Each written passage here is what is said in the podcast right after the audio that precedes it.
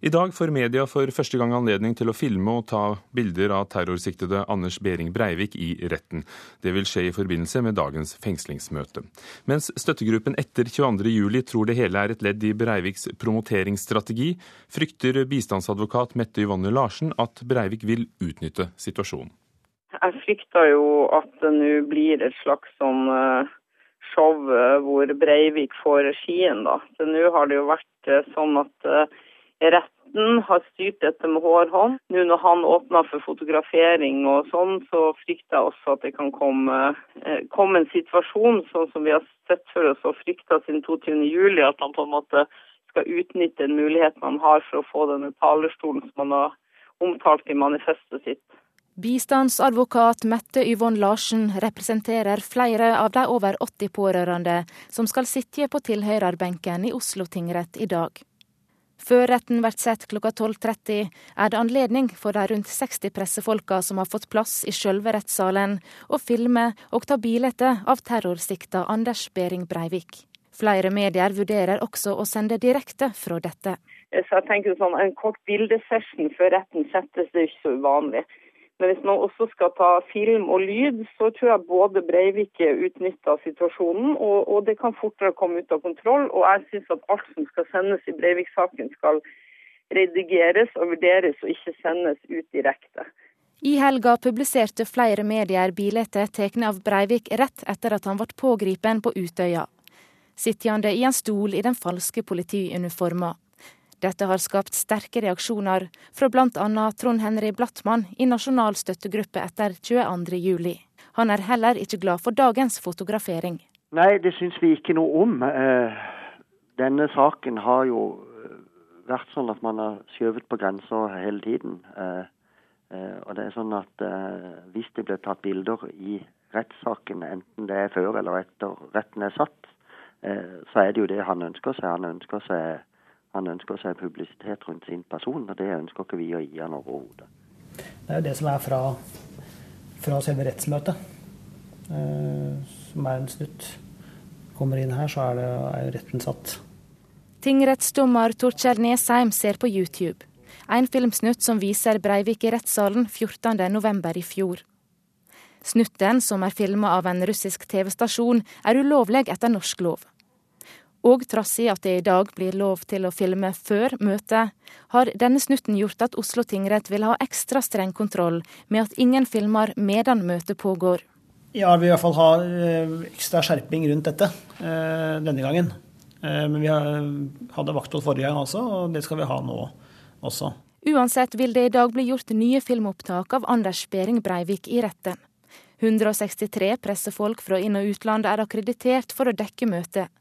Bistandsadvokat Mette Yvonne Larsen ber mediene besinne seg i dekninga av saka framover.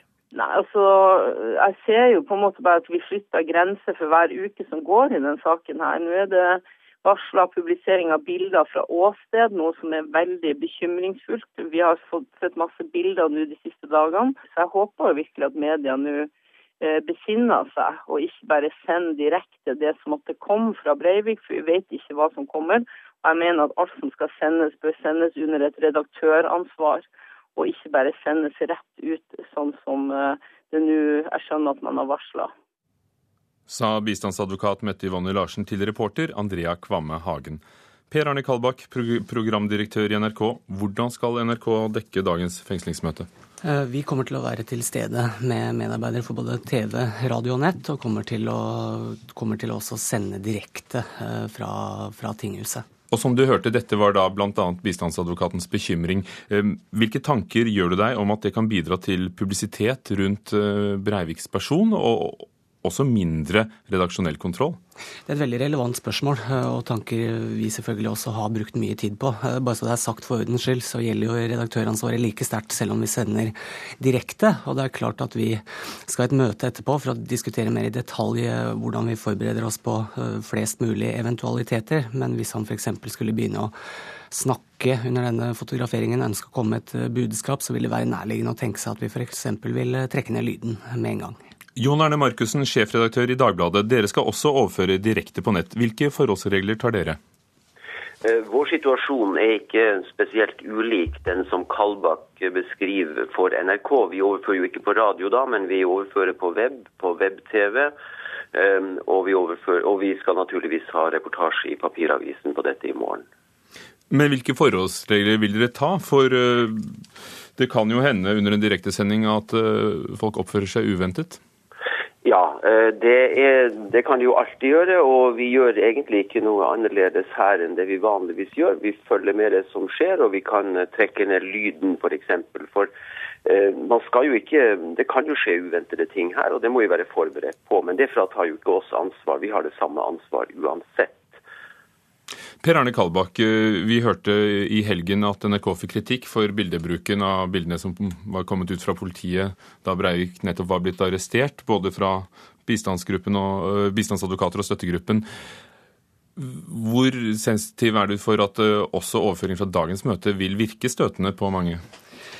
Det vil helt sikkert virke støtende på mange. Samtidig eh, så er det mange, og stadig flere som vi nettopp har hørt, som ønsker å overvære fengslingsmøtene selv, også for å, eh, for å, som har et ønske om å se Breivik. Så vår oppgave her er å opptre på en ansvarlig måte. Det handler om hvordan vi bruker bilder. Altså ikke bare at vi er der, men hvor tett vi går på eh, den vi tar bilde av, f.eks.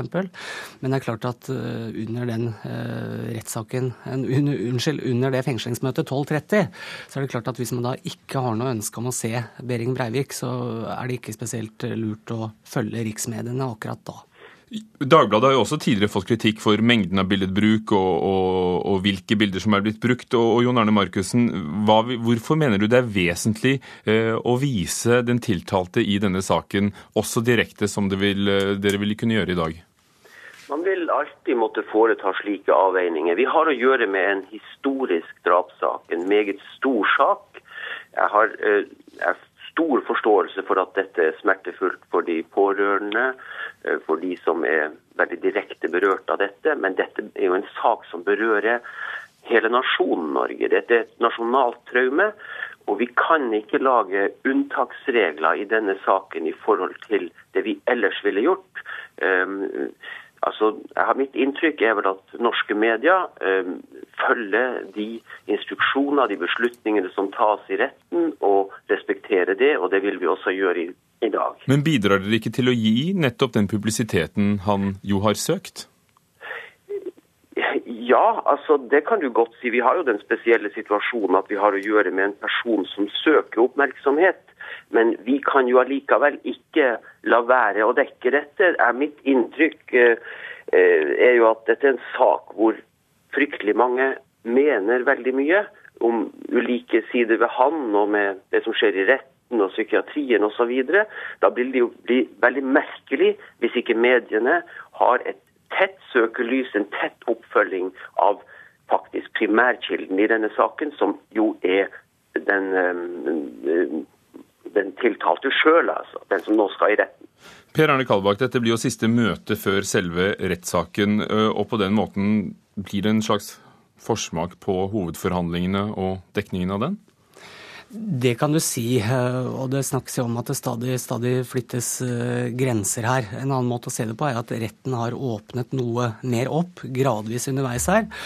Og det er jo ikke unaturlig å tenke seg at det er slik ettersom tiden går. Eh, nå skal eh, snart eh, Domstoladministrasjonen ta stilling til pressens søknad om å overføre direkte fra, fra, rettssaken. Og så får vi se hva de sier. Vi får se hvilke deler de eventuelt åpner og overfører fra. Hvorfor, vi... hvorfor har dere anmodet om å få gjøre det? Nei, fordi vi mener at dette er eh, norgeshistoriens eh, verste kriminalsak. Det er, den, eh, det er, det verste som har skjedd i Norge etter krigen. Og vi mener det er viktig at det blir offentlighet omkring rettsstaten Norges oppgjør med, eh, med drapsmannen. Og da mener vi at f.eks. aktor forsvarers innlendings- og avslutningsprosedyrer, domsavsigelsen, slike ting, bør absolutt overføres direkte. Takk skal dere ha, Per Arne Kalbakk, programdirektør i NRK, og Jon Arne Markussen, sjefredaktør i Dagbladet. Opera på kino trakk 6000 publikummere lørdag, melder Aftenposten i dag. For første gang fikk hele landet se en forestilling fra Den Norske Opera samtidig, hvis vi ser bort fra TV-overføringer tidligere, da La Bohème ble overført direkte til over 40 kinoer. Men flere steder gjorde tekniske problemer at kinosalene måtte avbryte overføringen av forestillingen. Og Dominique Strauss-Kahn-skandalen blir film. Sjefen, dvs. Si den tidligere sjefen for Det internasjonale pengefondet IMF måtte trekke seg i fjor vår etter anklager om seksuelt overgrep i New York. Saken fikk mye oppmerksomhet i presse og politikk, og den franske skuespilleren Gérard Depardieu skal spille Strauss-Kahn. Regien er ved amerikanske Abel Ferreira, melder BBC, som igjen siterer Le Monde. Ikkevoldsforkjemperen Gene Sharp har ertet på seg statsledere som Venezuelas Hugo Chávez og inspirert undertrykt over hele verden til fredelig opprør. Denne uken er han i Norge for å oppmuntre til alternativer til våpen, og for å snakke om dokumentarfilmen How to Start a Revolution.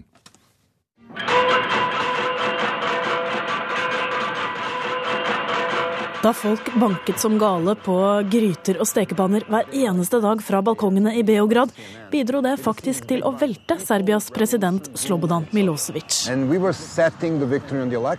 I filmen 'How to Start a Revolution' er dette ett av mange bevis på at Gene Sharps tanker ikke bare er romantiske drømmer om fred på jord. We knew that Milosevic will lose.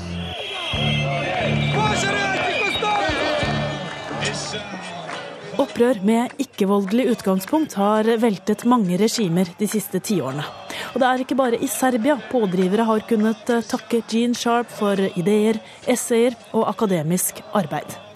Men folk som utgjør massene på barrikadene og på torgene, har ikke nødvendigvis alt dette i bagasjen.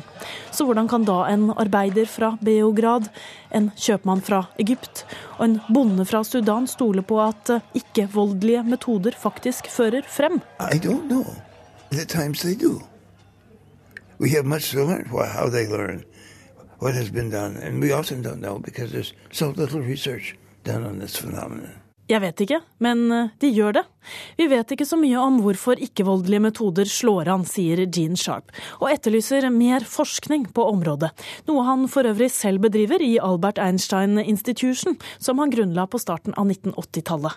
Sometimes the nature of this kind of struggle can be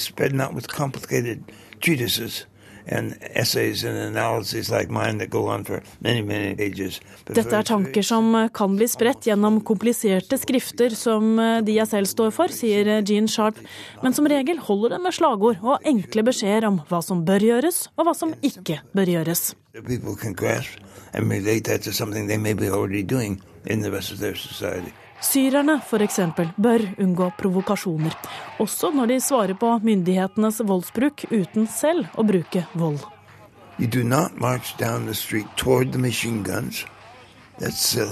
Å marsjere rett mot geværene vil være dumt, sier Sharp. You could stay, everybody stay home, paralyze the city. And so nothing happens, and the regime would be frightened at the control of the people for that resistance, knowing they cannot defeat that easily. Hvis alle derimot holdt seg hjemme, kunne det satt myndighetene ut av spill og fått dem til å forstå at det er visse ting de ikke har kontroll over. Gene Sharps kortliste på 198 punkter gir flere forslag til opprør uten våpen. Det finnes økonomiske, sosiale, politiske og psykologiske måter å si fra på, Alt fra å demonstrere med barn og blomster først i toget, til å vende folk eh, ryggen, synge, sabotere møter, sultestreike eller nekte mennene sex, slik kvinnene gjorde det i eh, Aten for over 2000 år siden. Gene Sharp er ikke i tvil om at det er alternativene til våpen som virker sterkest, og at det er de som krever mest mot og selvbeherskelse.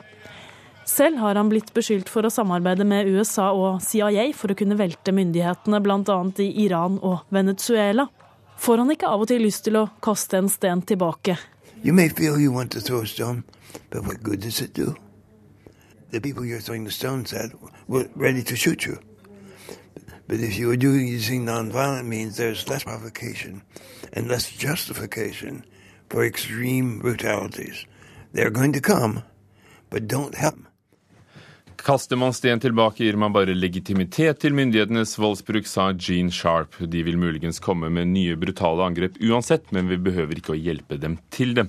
Sa altså ikke-voldsforkjemperen til vår reporter Pernille Amdal. Og filmen 'Hvordan starte en revolusjon' med Gene Sharp til stede vises på filmfestivalen Human Rights Human Wrongs i Oslo tirsdag og fredag, kommer nok på NRK senere òg.